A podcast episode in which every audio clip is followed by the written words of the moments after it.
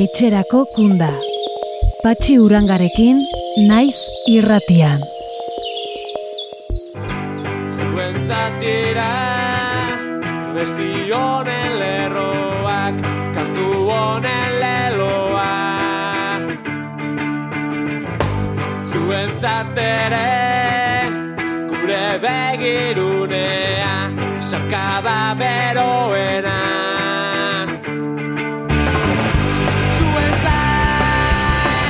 Kaixo denoi eta ongi etorri etxerako kunda saiora.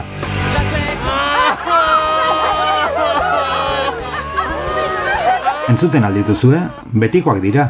Estrasburgok Xabierra Tristainen aurkako legita onartu ez eta epaiak irolege zartzen. Zer esango izuet pa, ni pozpozik nago. Tarteka badere, justizia egiten delako Europan, eta hau, ospatzeko modukoa da. Ea orain, gainerako presoekin zer gertatzen den. Guztiak nahi ditugu gurekin, etxean, bizirik eta aske. Presoak, ieslariak eta deportatuak. Besoak zabali gauzkate, urtetan zain. Aipatu ditugun betiko horiek saiatuko dira beharra dina oztopo eta trabaila hartzen. Eta zelduko dituzte gauzak, baina lortuko dugu, jakina baietz.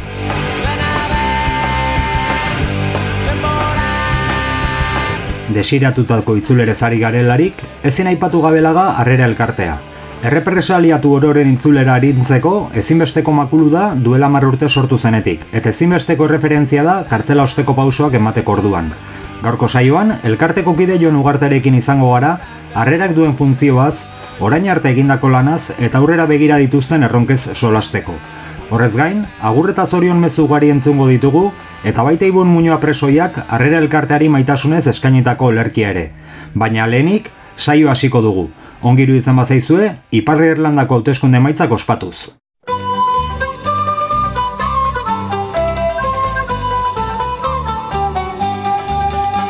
Oh, Father, why are you so sad on this bright Easter morn? When Irishmen are proud and glad of the land that they were born. Oh, son, I see in memory too of far off distant days when being just a lad like you, I joined the IRA.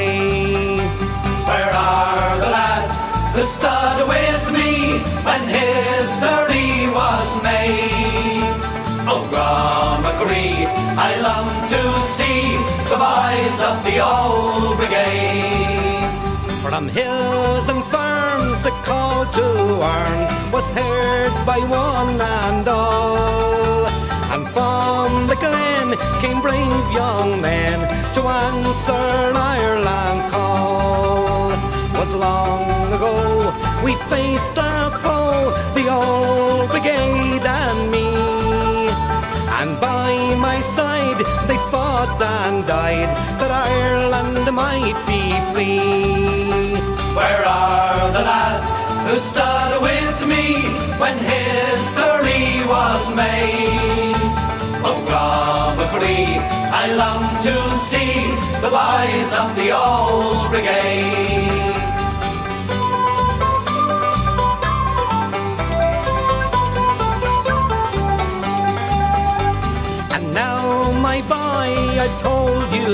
Why on Easter morn I sigh. For I recall my comrades all of dark old days gone by. I think of men who fought in glens with rifle and grenade. May heaven keep the men who sleep from the ranks of the old brigade. Where are the lads who stood with me when history was made? Oh, Graham I long to see the boys of the old brigade.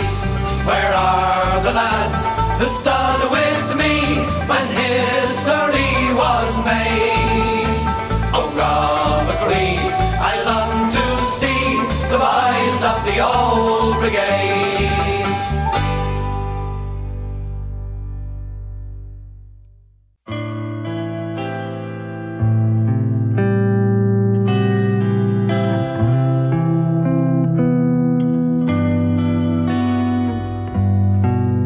bi berri pozgarri aktualitatearen tarteari ekiteko. Lehena da, bi lagun gehiago ditugula etxean.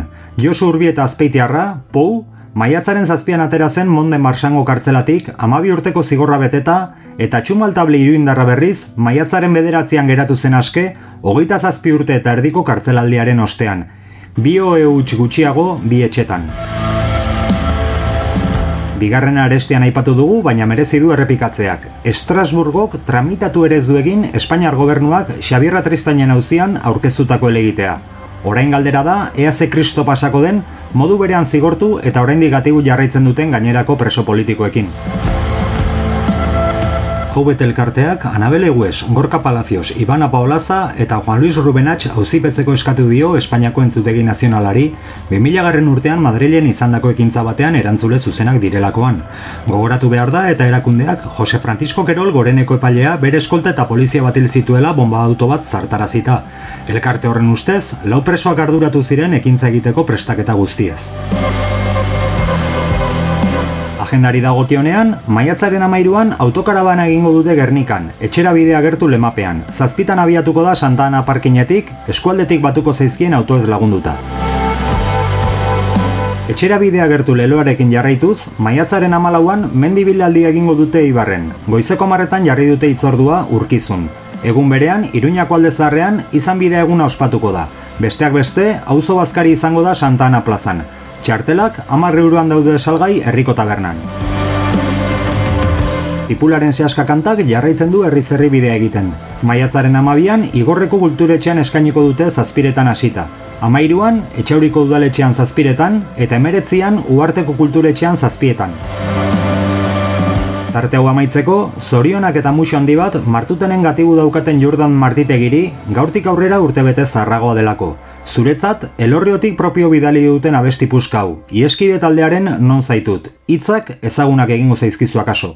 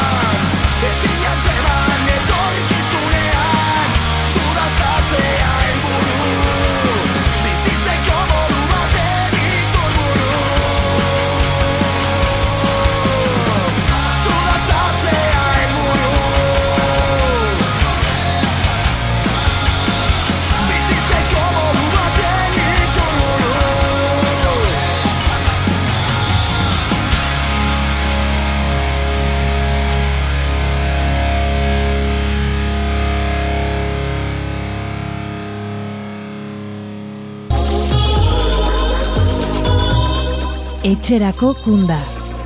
Naiz irratian.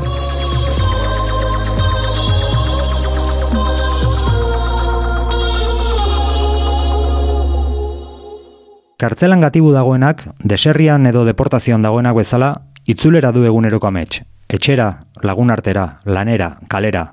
Baina itzulera inoiz ez da erresa. Ia denerako laguntza behar izaten da. Horretan dabil harrera elkartea 2008ko ekainan sortu zenetik. Etxere itzultzen diren errepresaliatuei orotariko laguntza ematen. Gaurko saioan elkarteko kide Jon Ugarte gonbidatu dugu harrerak duen funtzioaz, orain arte egindako lanaz eta aurrera begira dituen erronkez solasteko. Ongi etorri etxerako kundara, Jon.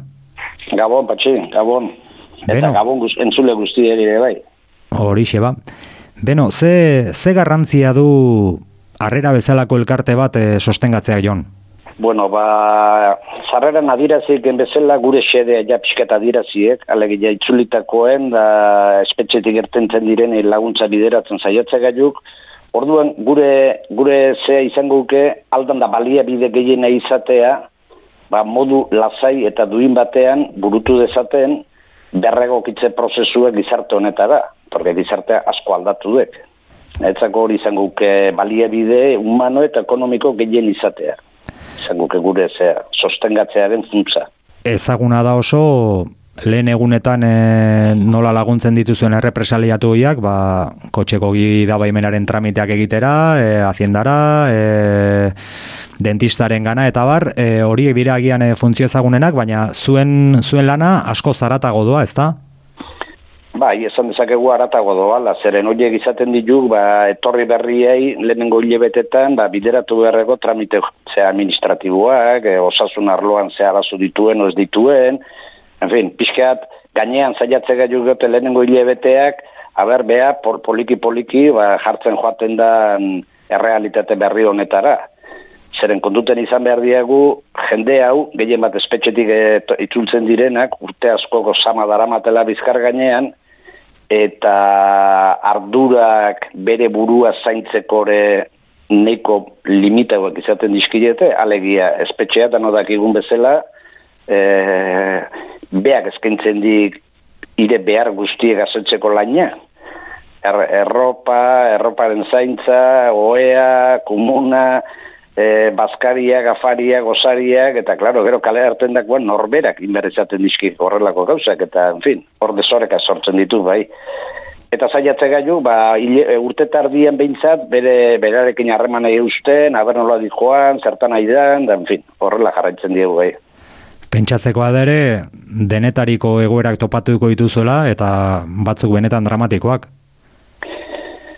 Bai, bai, baina bai, egia dek izaten direla, izaten direla egoera zailak, baina gehiengo bat ere onartu beharra zeo prozesu hau epe ertain, epe ertain batean, urte tardi bi urtean, lortzen duela berregokipen hori bideratzea behintzat. Oain, bidean ere batzuk gelditzen ditu. Eta elkartearen elkartearen xedea hori dek e, hauarekiko harreta jartzea eta inor atzean ez ustea, claro, bai, bai. Izaten dizkio tarteka batzuk, bai. 2002ko ekainean sortu zen, harrera elkartea, e, Amabien, bai, amabien. bai barkatu, 2002an ekainean, eta berriki apirilan egin duzue e, batzarra, e, Bai. ze, ze valorazio egiten duzue orain arteko ibilbideaz, Jon? Bueno, ba, saiatu izan gaiu gadirazten, e, kontuten izan behar dana da, e, arrera sortu genuenean, etxeola inongo aurrekadirik e, esparru hau jorratzen zuen ikan eta esantzekorikan. Egia dek, egia dek, baita ere, ba, e, herri honet historikoki adirazu, adirazi izan duela elkartasuna errepre- errepresaliatu erekiko. E, alegia hemen asko, e, herritar eta herri erakunde desberdinak landu dizkiete, ba, etorrera horiek, bere erara, eta zea. Baina guk hausnarketa bat iriki genien 2000 eta behatzi, loiolaren amaieran, loiolaren prozesuaren amaieran, preso horiek, e, zea bat egin genien, hausnarketa bat iriki genien, zeren uartze ginen, ba, bai, babesa bazala, baina etzala berdan bezala banatzen, hainbat herrietan babes hori txikia baldin mazan, e, egoera larrian sartzen zirela etorri berriek, eta pixkat hori, hori pixka nahi genuenak oinarritu, estrukturatu eta eta danari antzeko antzeko baliabideak eskaintzea bintzat. Gure, gure funtza hortik antzie pixkat. Eta, klaro, gero egia de baita ere, ba, fetxa aietatik gaur egun arte, ila boste da barrota marpreso atera direla, zeren kontuten izan behar dugunadek, e, 2000 eta marreko agustuan zazpireunda berrota perso zirela. Eta une honetan, okerrez bana, geunda laro eta zei ustez gelditzen direla espetxetan. Orduan, jende asko ateradek, egia de gure eskaintza ez dala universala, ez txigut deneri eskaintzen, baizikan beharra dutenei, eta behar hoien barrenean, ba, behar larria dituenei.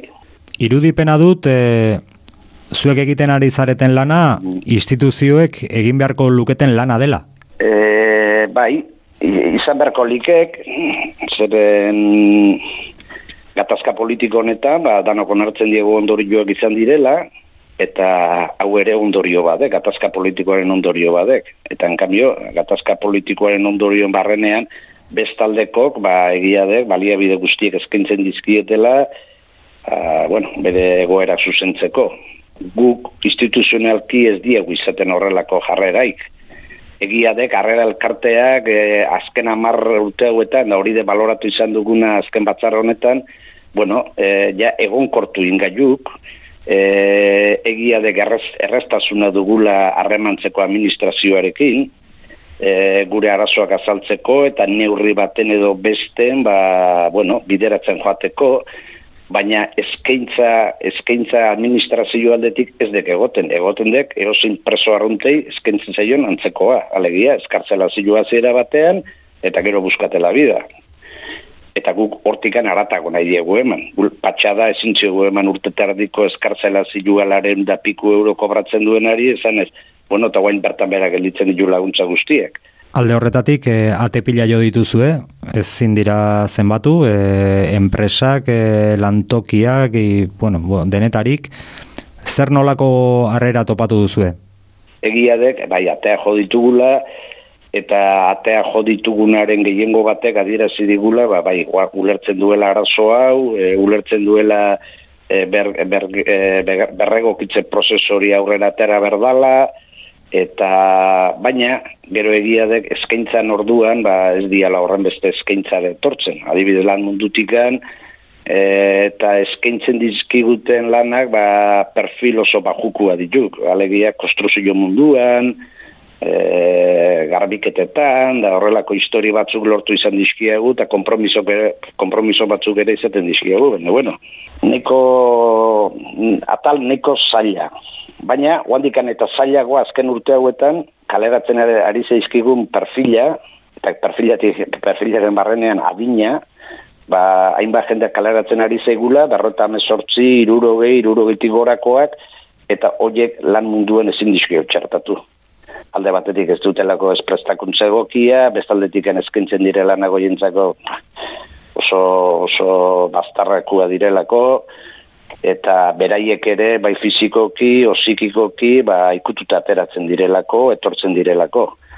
Orain artean, e, gutxi gorara badakizu zenbat, e, zenbat lagun, lagundu dituzuen urte hauetan? Esategia, e, e, atera izan ditu 2000 eta marretik gaur egun arte bosteun da iruro lau e, preso atera izan ditu, preso egon izanak. Eta hoieri gehitu behar dizkio, ba, itzulitakoak. Este, eta, eta, eta, gutxi gora berarina, baina egun, egun da hogei. Orduan, ba, danak ez ditu gurbildu izan gure gana. Gehiengo, apai, gehien bat tramite administratiboaren inguruan, eta bar, eta bar, olako gauzak, osasun arloan errepaso bat emateko, eta, en fin, horrelako gauzetako hurbildu izan ditu, baina gero gure laguntza zuzena jasotzeko, ba, ez di horrelako demandarik egin izan, ba, bere entorno naturala, ba, aldan neurrin laguntzen dielako, o babesten duelako.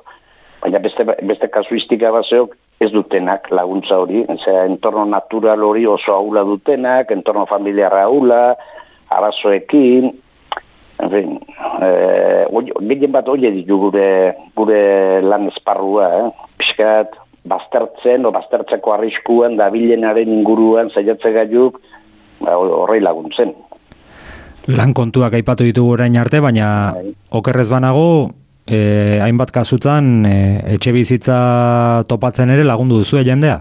bere, bere gore ikusita, ba, bueno, administrazioen inguruan lanketa batzuk izan dizkiagu etxe biden bueltan, eta restu intzauzkiogu ba, prozedurak eta ba, baina, bueno, e, persona arrunte ite zaien erara, eh? E, baina bai, bai, lortu izan dizkiagu, o bestela zaiatu izan gaiuk, ba, geure aldetikan, alkiler, eh, alkilerra la, eh, ordaintzen laguntzen, da horrelako gauzak, egin izan, e, eitzen, eitzen ere ari gaitu, bai. Baita ere, hainbat jende adinekoa danari, eta erbestetik itzuli, eta hemengo, hemen inongo laguntzarik ez, entorno familia, familiarrare aula, eta zarretxe batea bideratu beharra, eta bueno, ordainketa horiek guari bideratzen. Ba, Apirilan egin zenuten batzar orokorra, bai. erronkari finkatu altzen uten datozen garaietarako.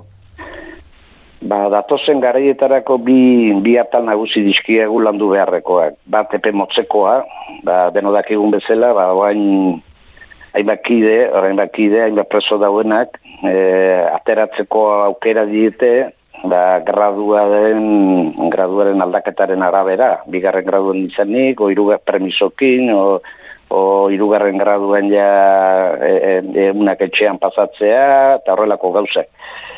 Orduan, oieri ja laguntza zuzena bideratzen hasia gaiuk.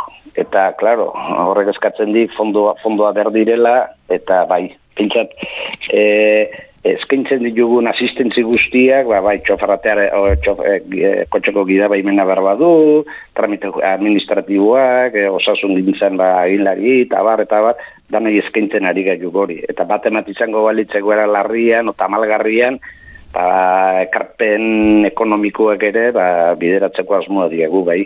Hori izango ke atal bat. Eta gero bigarren atala eta gehienak eskatze igunak, hemen kotizatuta oso jende gutxiek iristen dana, ba, eskatzen diren baldintza betetzera. Orduan jende honeri ere, ba, berpentsatzen hasi beharko diogu, iriste zaionan jubilazioa dina, eta ikusita zegeldiuko zaion, alegia jubilazio ez kontributibua askoei, e, bikotekideek eta ez duen nahi, ba, ma urte kotizak gabe dituztelako, alegia lareun da piko eurora ez ditu giritxiko, eta denosakiagu horrela ezin lekela bizi eratu eta lazai batean kalean.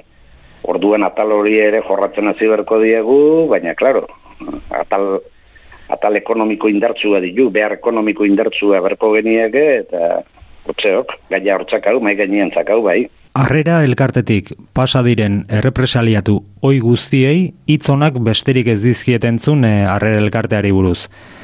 Horiotako batek Ibon Muñoa Ibartarrak olerki berezi bat eskaini dizue. Entzungo dugu momentu batean, Jon?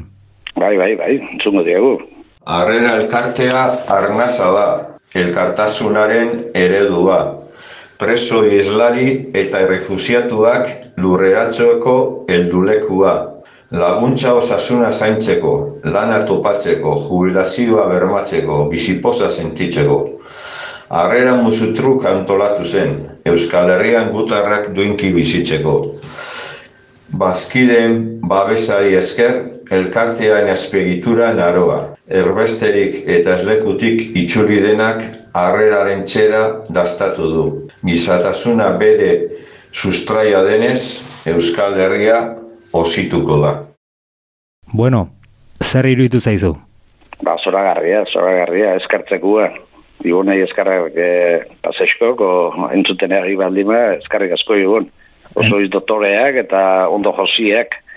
Eta niko txukun adirazten duena gure zerregina eta gure, gure zea, bai. Bai, Ibon, Ibonek oiduen, oiduen mailan, bere sorkuntza lanek sekulako maila dute. Aizu, Jon, e, amaitze aldera, erronkak aipatu ditugu, orain artekoak ere bai, presoei zer zer esango zenieke ba pixka bat e, beren irtera data edo gertuan zera dutenei?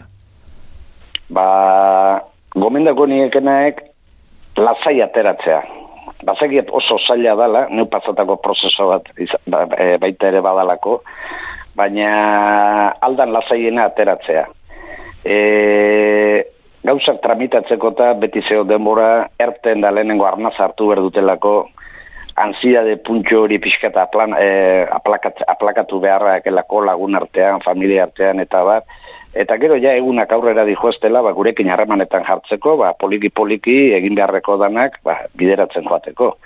Baina hori bai, lasai atea, atea, atea, ateatzearena. Zeren urduri ateratzen badira, gero dana gainea etorriko zaiek, eta ez, hau prozeso luze bat izaten ber, berregokitzearena, danak ez diete era berdinean ematen, orduan patxadas patxadas, gure gurekin kontatuaz, gure laguntzak izango dituztela jakinean gainean izanik, lasai ateatzearena bai. Gomendio handiena hori emango nitxoke, porque ertentze hori da nosaki egu zer da. Eta lasaitasuna ere bai, jakin da hor, hor izango dituzuela besoak zabalik? Bueno, bai, bai, bai, bai, bai, arrastu ingo diogula, ara, eozein arazo duena, bueno, gu hori bintzat ez zakau. Gure etxera urbildu, gure etxera, gure bulegotara urbildu dana, arazo batekin, beti atera izan dek, beste patxada batekin. Zeren azkenean, irten bide bat, danon artian, jende, e, zemat eta jende gehiago, ba, errezago izaten dek irten bideak arukitzea. Orduan, etxeok arazorik irten biderik ez dueniken. Beraz, lasai erten, egokitzen jun, poliki-poliki, lehenengo entorno naturalea, laguna, familia, eta egun neuna aurrea dijoazten neurrian, o gurekin harremanetan jarri zuzenean, o neu jarriko naiz, o gu jarriko gara beraiekin, o ja tramiteak eta burutzen azteko, bai. Eta hori patxadas, inberdala, patxadas, taldan lasaiena. Oso ondo, Jon, ez dakit zerbait gehiago gaineratu nahi duzun edo? Bueno, ba, pitxin bat, e, laguntza, gure laguntza beharra adieraztea laguntza behar dugula. Aipatu ditut baliabide humano eta ekonomikoak hasiera batean e, guri sostengatzeko garrantzitsua direla eta bai alde batetik humanoa deitzen diogu guk ba, gurekin kolaboratzea nahi duen guztieri. Zeren paradoja badugu une honetan. E, deno dakigu presoa poliki-poliki e, gerra duen inguru horretan ba, aukera dituztela kaleratzen azteko ez askatasune, baina bai kaleratzen azteko, eta graduak eskatzen duen baldintzatako bada e, kontrato bat, kontrato, lan kontrato bat izatearena o kompromisori adieraztearena eskaera horretan, graduaren eskaera. Orduan hori bai dago kigula ber, berriro ere gure etxeko eri ba, elkartasun hori adieraztea eta absorbitzen joatea ba, lan kontratoiek eskenia jende honeri, balen bailen, bentsat hori ez izatea eragozpena ez ateratzeko, eskalera ateratzeko hori alde batetik, eta behin gila kalea direnean, ba, animatzea jendeari bazkide egitera, elkartea, ba, elkartea horregatik gara, elkartasuna nahi dilako azaldu jende guzti oneri, hauen beharra gaxetzea nahi ditugulako, eta bueno, ba, hori formalizatzen dugu bazkidetzarekin. Une honetan irumila pasatxo gara, baina egia da, etorkizunari begira, ba, bikoiztu berko genukela zifra hori, eta jendea patxadaz bizi da kalean, baina eta jendea gustora ikusten ditu, jendea kalean ikusten dituenean, baina kontuten izan behar dute, e, e, gu ez gaudela inoratzean usteko asmoarekin alde batetik, eta bestetikan lehen preso izana, orain preso hoia bihurtu zaigula baina arazoak ere hor jarraitzen dutela. Bintzat, epe ertain batera arte, bere bizimodua antolatu arte. Eta, bueno, ba, laguntza, laguntza, laguntza behar dugula, eta zabaltzea gure egitasmo hau, eta oso arreza dela. E, Ued horriat dezute, gure arrera elkartea.eus, bazkide egiteko aukera, o gure kontaktuak, eta horrak azute guztia, eta, bueno, lasai deitu, lasai erantzungo dizuegu, eta txaki, epa, besterik hola zara ipatu. Lagatzen bai azun, nerone gaineratuko dut apunte txiki bat. Bai, bai, gaineratu. Ez dela onargarria, herri baten alde dena eman dutenak, orain laguntza beharren ikustea. Eta ezin dugula bakarri laga. Hori dek, hori dek. Azkenian, funtzean hori dek, hori dek, e, elkartearen xedeare hori dek, dena eman dutenak, ba, guain ezin, ezin dizkiagu hemen e, kale bastarrean utzi. Eta besteok eroso bizi gainera. Osea, kompromiso hori, kompromiso maila hori, kompromiso elkartasun hori berriro tokatzen zaigu lantzea eta eustea. Gai hau bideratu arte bintzaz gutxienez. Bai. bai, bai. Guk ez dugu bate birakaririk eta ez ditugu Repsoleko administrazio kontxelio zelakoetan kokatuko, baina saiatu, saiatuko gara eh, landuin bat ematen eta baliabideak eskaintzen. Claro, claro. Kontuten eukita, ba, lehen aipatutako aldagai horiek, adina, hainbat faktore dauela, psikologiko kire batzuk ez direla berdan bezala ateratzen, berrego kitzeko zail, zailtasun gai, gai horiek, Eta horiek ekonomikoki, ba, psikologoak ordaindu inberdialako, dan ordaindu inberda, gizarte honetan. Ba, orduen eskertuko genuke, ba, jendea kontzintzi hori hartzea, zabaltzea gure egitasmo hau, oso arreza ala bazkiditea, zeren gure helburua bazkidetzare iriki genuenean izan zen, eh, ez jendeari zablazoa ematea gai honekin, baizikan, hilean, eh, kuota arrunta bost euro hilean dira. Fatxi, bikaina. Bikaina. Hilean, alegile, iruro euro urteko, eta orduan, ba, eskartuko genuke, jendeak aportazio txiki horiek, ba, ofizialki bazkide eginez, bideratuko balituzke. Horixe da. Zenbat arrazoi jon. Oso ondo. Ea ba, ea ba, bazkide kopurua biderkatzen duzuen, Asmo, e, borroka hori lortu arte hor segiko jo bintzat. horixe. Eta nik estresatuta ikusi nahi zaituztet, e, topera iritsi eh? ezinek, baina epe labur batean, epe labur Hori, batean, eta zuen lana eh? azkar amaitzea. Hori dek, hori dek. E, Amigerek etxekit izango duen. Baina errestu ingo dutela dana kalean izan da, gu, naiz eta gu, gu estresatu, errestu ingo digutela. Beraz, hor barruan entzuten ari diren guztiei, lasai hartu, hemen gaude, jende asko dago laguntzeko, eta patxada, patxada, dano, dano lortzen dugula berregokitze prozesu hori ondo burutzea. Horixe, baiet, ba, hemendik e, gure animo guzti harrera elkarteko lagunei. Jon Ugarte, eskerrik asko, gurekin bai. izateatik. Eskarrik asko eri patxi eta entzule guztiei. Ondo, ondo segi. Bai. Arillo. Agur. Aio, aio.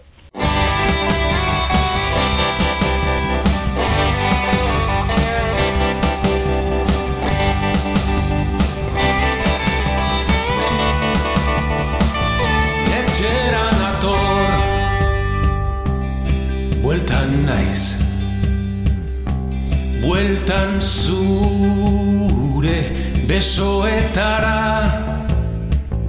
Bide gogorra Atzean utzita. Nekatuta nator zure gana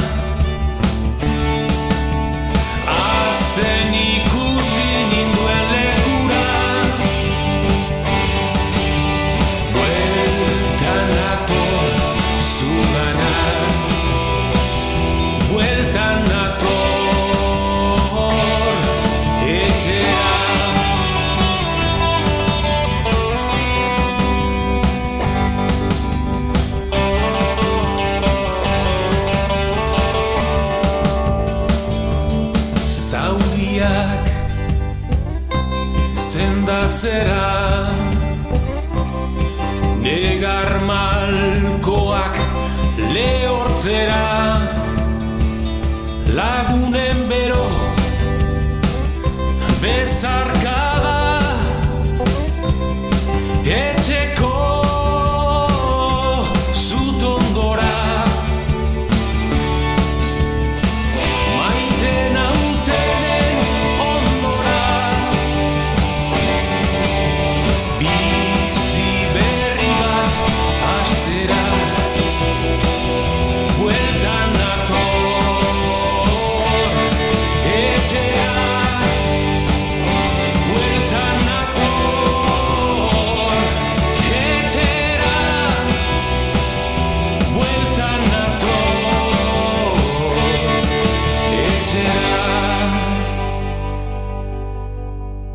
Mezuen tartea orain, gogorarazi nahi dugu etxerako kunde irrasaioak aukera ematen dizuela presoei zorion eta gur mezuak audioan bidaltzeko. Eta egu Euskal Herriko kartzeletan gatibu ditugun lagunek entzuten dituzela ere bai. Grabatu audio bat euskaraz eta bidali whatsappez 6 lau sortzi, bizazpi zazpi bost 0 bat zenbakira. Zehaztuz, nork bidalia eta norentzat den. Guk maitasun guztiarekin jarriko ditugu. Ziur baikaude pozik entzungo dituztela. Gaur jarriko ditugun lehen bi mezuak pasaden asterako ziren berez. Hain justu, getxoko enbaixadore torrotxero jauna zoriontzea zuten xede. Baina hizketan ari zaizuen odolki buru honek akatsa egin eta jarri gabe geratu ziren. Sentitzen dut, edo gure islari politiko favoritoak dion bezala, Lo siento mucho. Me he equivocado y no volverá a ocurrir. Hortaz, zuretzako duela egun batzuk sarean deskubritu da abesti eder eta unkigarri hau. Enpalus bikotoaren bidaian abestia. Maiatzak lauin osabat torrotxeran urte di, eta hemendik markina eta bainotik... Zorionak, torrotxero! Egurre! Aquel con Zorionak arkaitz, etxan lur, eta maleren partez. Musu handi bat, mua, mua, mua. Zorionak, Arkai! Zorionak! E, eguneri antzan diemon, urrengo korrikarako geugez, eh? Falta barik, mozu handi bet!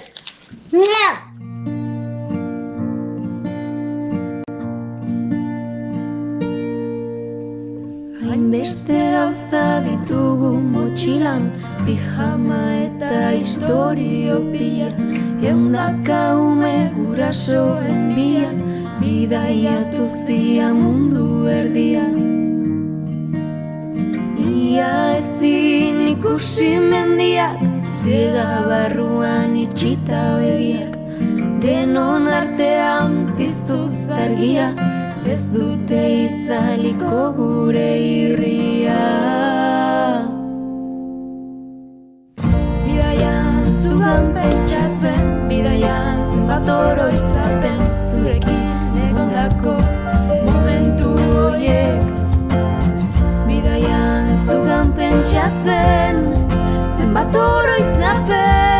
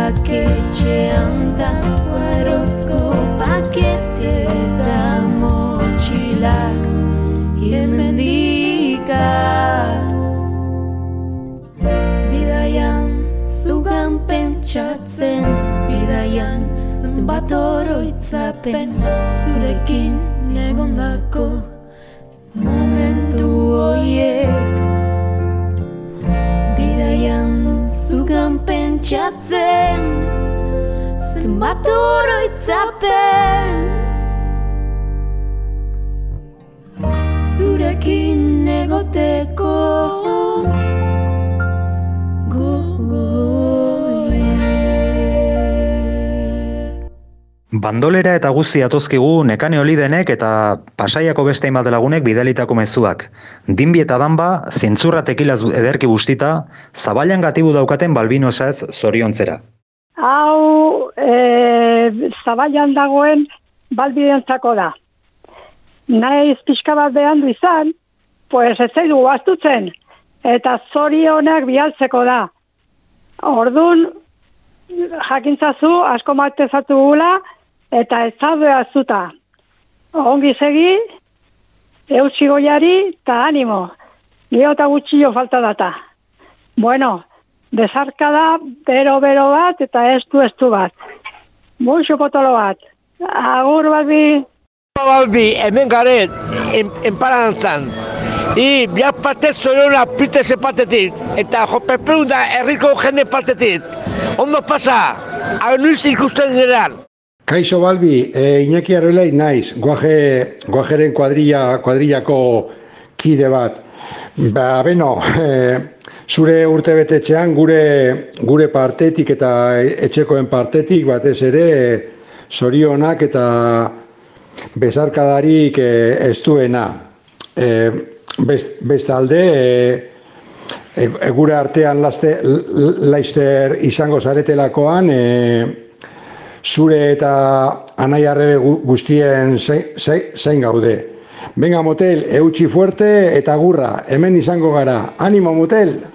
Bezarkada bat entzule guztiei, batez ere gatibu daudenei, eta bereziki Balbino, Mikelin eta Marisoli. Zagardoa prez dugu, egun handirako. Baita aragi jalatua, takoak eta gainontzeko gutizia guztiak. Garai bateko bizipena gogoan, Los Tigres del Norte taldearen pakas de kilo abestia oparitzen dizugu. Arrasatetik, Nagore, Garasi eta Joseba.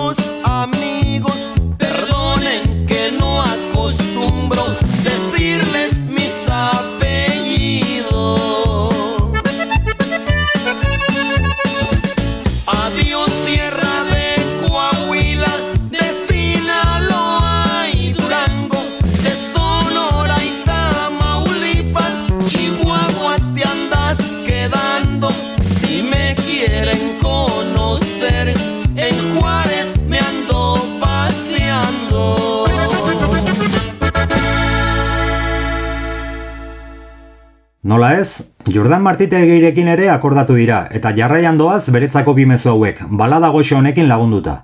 Hau zabailan dagoen balbirentzat da. Badakigu bere urte betetzeak igandean diela eta ez da zaiola iritsiko, baina berandu baldin bada ere, pasaitikan, jokin eta tx- txino.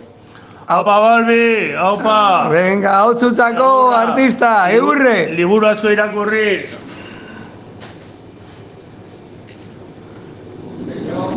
A darle, que es mole de olla. Me gusta andar la sierra, me crié en los matorrales. Ahí aprendí a hacer las cuentas, no más contando costales. Me gusta burlar las redes que tienden los federales. ¡Apa, volví! Muy pegadito a la sierra, tengo un rancho ganadero. Ganado sin garrapatas que llevo para el extranjero. Que chulas se ven mis vacas con colinas de borrego. ¡Eupa, Hijos de mi padre me admiran y me respetan. Y en dos y trescientos metros levanto las avionetas de diferentes calibres. Manejo las metralletas. ¡Eta, eta, eta! El tigre a mí me acompaña porque ha sido un gran amigo, maestro en la pista chica, además muy precavido. Él sabe que en esta chamba no es bueno volar dormido. ¡Órale, órale, pues! ¡Ay, ay, ay! ¡Qué chido!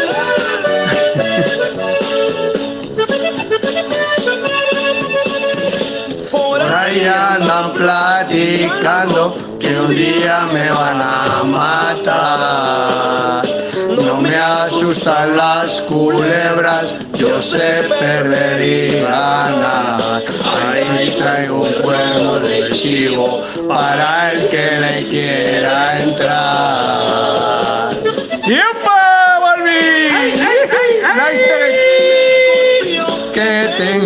donde quiera me paseo. Me gusta que presuman, tampoco me miren feo.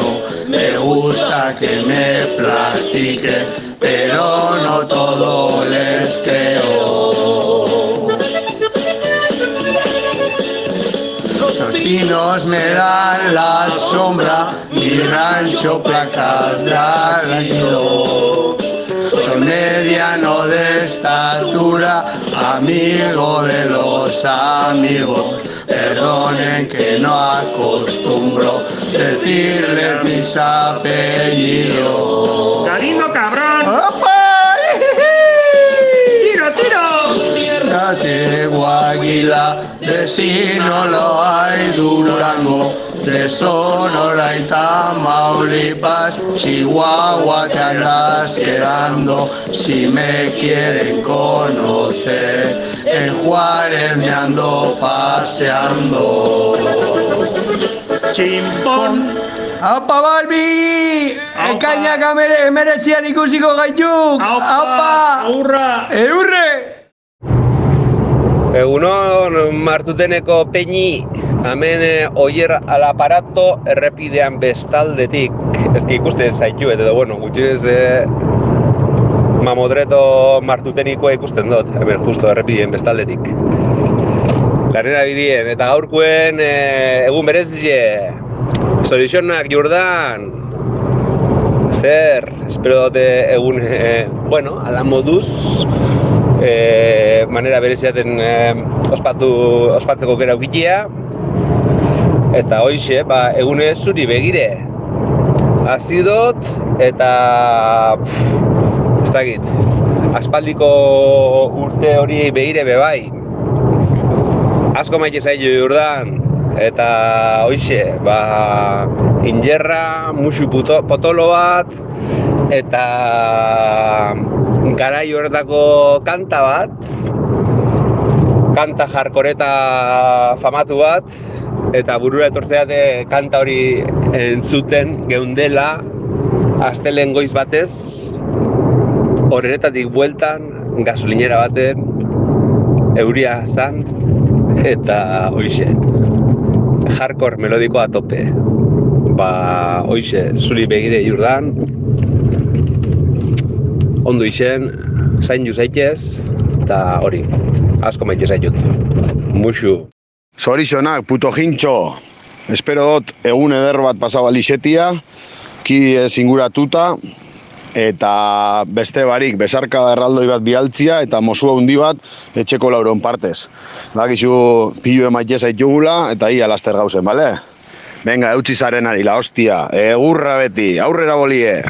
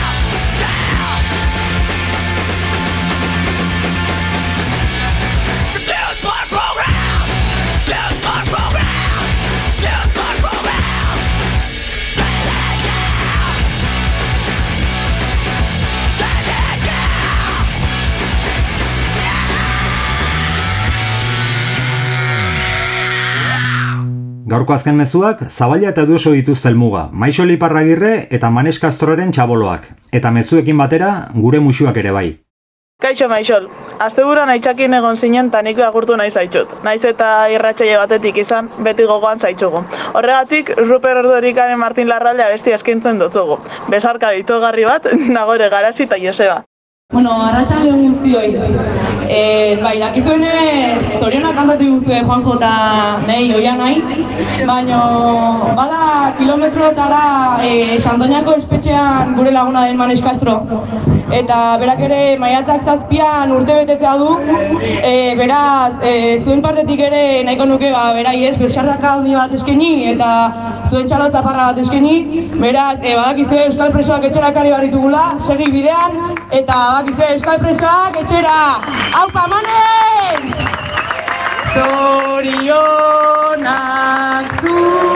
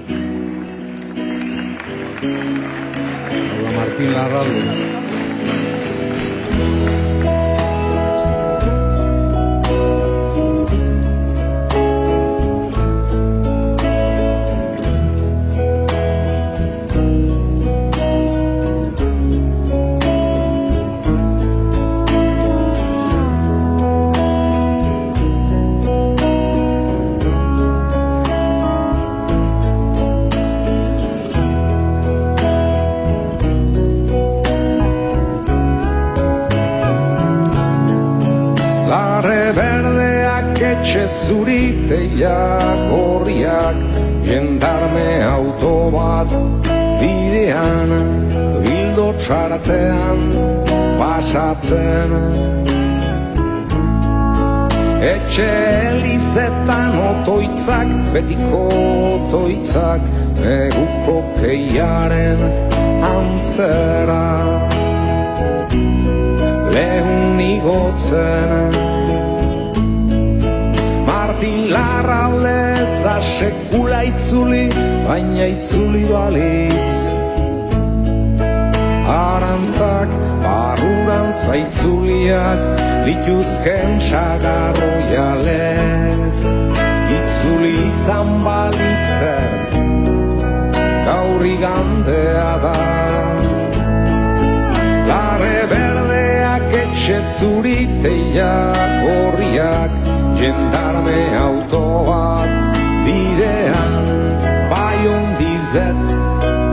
panopetik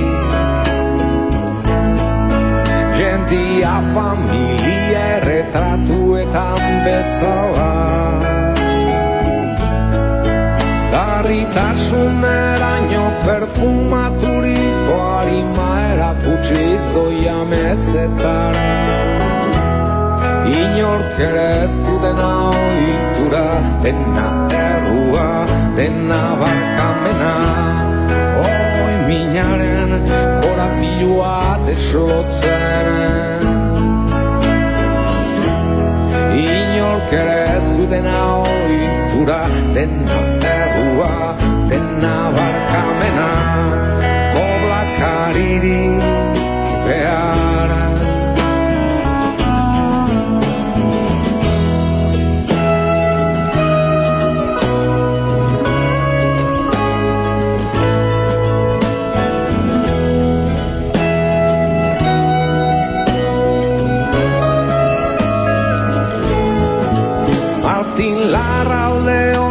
honelako egun batez hiltzen galeretan Begiak zabalik etzan da Zerua itxaso zikin bata. Zerua itxaso zikin batela esanez. Agian zerua itxaso zikin batela esanez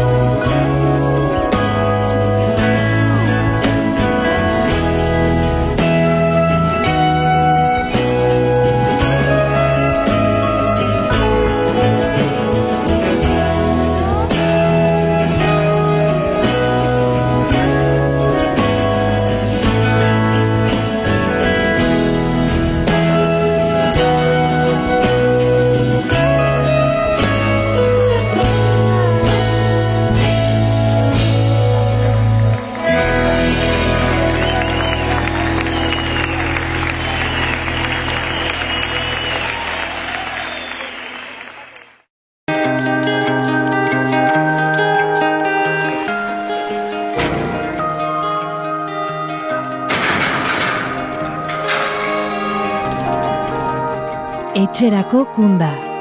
Naiz irratian.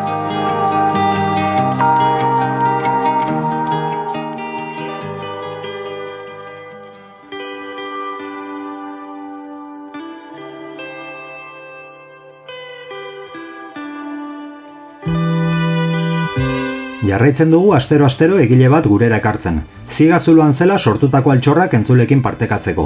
Asko eta asko direlako kartzelan idatzitako lerki ipuin eta bertsoak, margotutako irudietako adroak. Gaurkoan, Ibon Muñoa Ibartar presoiak harrera elkartearen zako eskerronez idatzitako lerki eskainiko digu. Agindu bat genuen onartu gogoan, asmoa eslaga bertan behera. Aize freskoak atxetik jotzen duenez, ez dugu egingo makalatzera. Ikusmira laster erakutsiko digu txoko maitearen gainazalera. Berde eta mengitxua iparraldera, laru eta laua egoaldera.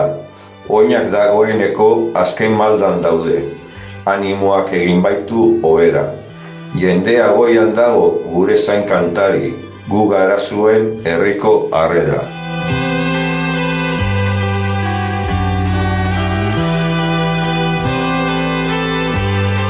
Ibonek bezalaxe, joarraizpurua teknikariak eta biok ere ez dugu egingo makalatzera. Guri ilusio eta helburua astero zuekin tarte goxo bat pasatzea da. Eta aldelarik, gatibu zaudetenei maitasuna helaraztea. Lortzen dugun ez dakit, baina saiatu, saiatzen gara. Entzule, plazera izan da. Datorren astean okerrik ezean hemen izango gaituzue, etxerako kundan. Beti, azken kunda izango den itxaropenaz, etxera ekarriko dituen kundan. Bitartean, ondo izan, eutxikastari eta aurrera beti. Aio!